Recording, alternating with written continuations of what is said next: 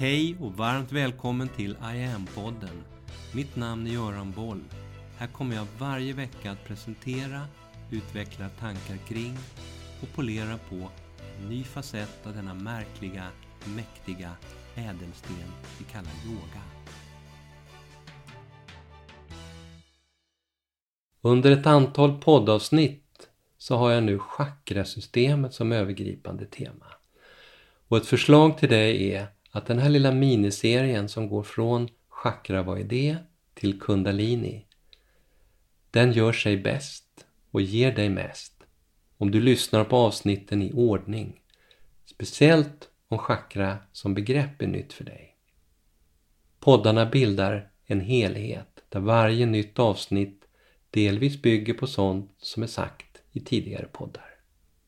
Jag pratade i förra avsnittet om sexualchakrat den del av oss som styr lust och kreativitet. Och jag berättade att varje chakra styr specifika kroppsdelar, inre organ, hormonkörtlar, ditt förhållningssätt till livet, präglingar, beteenden, känslor med mera. Man räknar chakrarna nerifrån och upp och det nedersta tredje, det tredje nerifrån, efter rot och sexualchakra är enligt yogan magchakrat eller manipura chakra. Det brukar symboliskt återges som en lotusblomma med tio olika kronblad. Enligt vissa källor så är färgen gul, enligt andra guld och blågrön. Magchakrat är placerat i bukregionen, fäster i ryggraden Sen går meningarna lite isär om var någonstans chakrat är beläget inne i buken och var det kommer ut på framsidan. En del placerar tredje chakrat någonstans mellan naven och solaplexus, det vill säga ovanför naven. Tantriskt, i kundaliniyogan så säger man ett par fingerbredder under naven. Om du vill fördjupa dig i de här olikheterna så finns det en intressant bok som heter Laya Yoga, L-A-Y-A, Laya Yoga av en yogi som heter Sundar Goswami som bland annat tittar närmare på hur olika yogatraditioner placerar chakrarna i kroppen. Generellt så handlar magchakrat om kraft, självförtroende, initiativ och vilja, viljekraft. Precis som med rot och sexualchakra så präglas också tredje chakra tidigt i livet. Framförallt åren mellan 3 och 7. De där åren då barn blir allt mer nyfikna, säkra, medvetna om sig själva som individer. De tänker och agerar allt mer självständigt. När vi tittar på geografin så är magchakras region buken, Tänk dig från höftkammarna upp till nedersta revbensparet. Diafragma som övre gräns. Övre delen av ländryggen finns där. Inuti kroppen så kopplar man matsmältningsapparaten hit. Magsäck, tunntarm, lever, mjälte och galla. När du stoppar en limpsmörgås i munnen och tuggar den ordentligt så kommer den ner i magsäcken går igenom ett syrabad där, förvandlas till en matmassa som kallas för kymus. Den portioneras sen ut i tunntarmen och där tar kroppen upp näring ur den matmassan. Det här innebär att alla obalanser och krämpor som vi kan koppla till matsmältningssystemet och de här organen, det är magchakra-relaterat magsår till exempel, gallsten och diabetes exempel på magchakra-obalanser. Diabetes handlar om att hormonellt så är bukspottkörteln kopplad till magchakrat. Den producerar dels bukspott som hjälper till att bryta ner, sönderdela matmassan. Men den producerar också insulin som är ett ämne som följer med i blodet och öppnar dörrarna in i alla celler så att glukosen, energin, blodsockret kan komma in och bidra till energiproduktionen inne i cellerna. När bukspottkörteln får svårigheter att producera insulin, kroppen i vissa fall blir så kallat resistent mot insulinet eller bukspottkörteln helt tappar förmågan att producera insulin.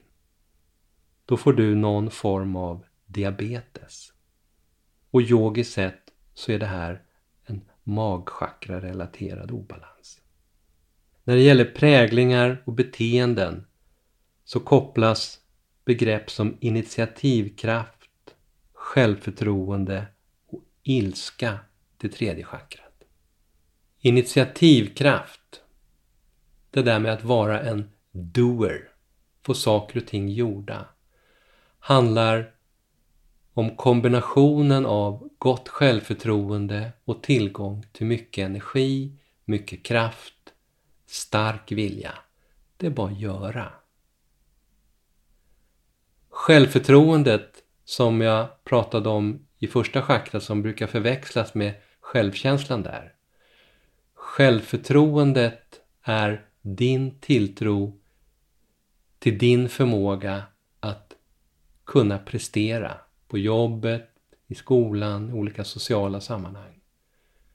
Självförtroendet kan variera från dag till dag. Det kan påverkas av yttre bekräftelser. Och du är så duktig! Alkohol kan hjälpa till. Man kan träna upp självförtroendet. Och yoga är en metod för att jobba med sitt självförtroende. Ilska. Om jag i rotchakrat känner mig otrygg och i andra chakrat upplever rädsla så är jag i tredje chakrat arg. Ilska kan vara en väldigt naturlig känsla som signalerar att jag behöver mobilisera kraft för att skapa förändring, att protestera, att sätta gränser eller ställa något till rätta. Det kan också vara något som jag använder för att maskera en annan känsla. Rädsla till exempel är inte helt ovanligt. Jag blir egentligen rädd, men jag låter arg. Det där har vi hört många gånger i relationen föräldrar-barn. Barnet gör något, mamma eller pappa blir jätterädd, men när man sen reagerar så låter man jättearg. Även här har vi sedan gammalt färdiga begrepp i språket som vi alla känner igen. När vi kopplar samman tredje chakrat med ilska så har vi till exempel det inte helt obekanta begreppet det där var en hetlevrad jäkel. Vi kopplar ihop ilskan med levern som är ett av tredje chakrats inre organ. I yogan så jobbar vi bland annat med djupandning, övningar som bågen, stretch pose och satkria för att direkt komma åt, stärka och skapa balans i magchakrat. Du hittar övningarna i online De här första tre nedersta chakrarna de länkas i olika sammanhang ihop till en energimässig helhet som kallas för den nedre triangeln eller ibland säger man det instinktiva jaget.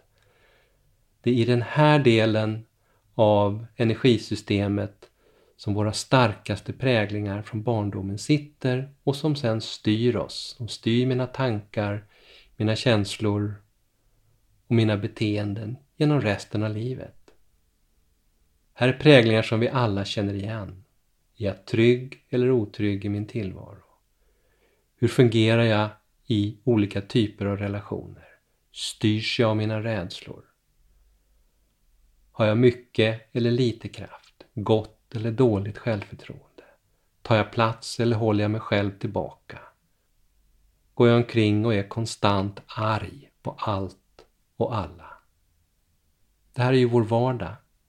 Vi reagerar och resonerar utifrån de här bevekelsegrunderna hela tiden. Den här typen av präglingar är något som yogan arbetar med att lösa upp, läka och hela i oss. När vi gör yoga med den nedre triangeln så kan vi åstadkomma det. Och det finns specifika pass för den nedre triangeln, till exempel i chakrakursen i online Nästa vecka ska vi titta lite närmare på det fjärde chakrat, hjärtchakrat. Centrum för kärlek, förlåtelse i energisystemet. Mer om det nästa vecka. För nu säger min katt Tao att enligt honom så visar jag sällan någon form av initiativkraft överhuvudtaget. Han måste styra mig ständigt, säger han. Leda mig som jag vore ett barn. Och jag verkar aldrig fatta när han är hungrig. Han säger att jag borde förstå att hans matskål alltid ska vara välfylld. Och sen muttrar han något om att det är så svårt att hitta bra personal nu för tiden. Så, nu tackar jag för idag. Det är dags för mig att återvända till saltgruvorna hör jag. Va? Eh, ja, nej, jag sa inget. Jag sa inget. Jag kommer, jag kommer, jag kommer. Mitt namn är Göran Boll. Det var jag som skapade Medyoga och grundade Medyoga-institutet. Sedan 90-talet och framåt har jag introducerat yoga i näringslivet, in i svensk forskning och in i den svenska hälso och sjukvården där Sverige idag är världsledande på yoga direkt för patienter. Framtiden för mig handlar om I am. Yoga för medvetenhet och hälsa. Läs mer om kurser, online-träning, utbildningar med mera på hemsidan iamyoga.online.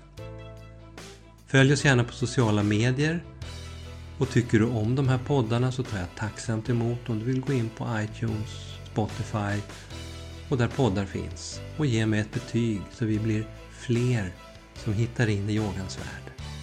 Tack för att du lyssnar och delar.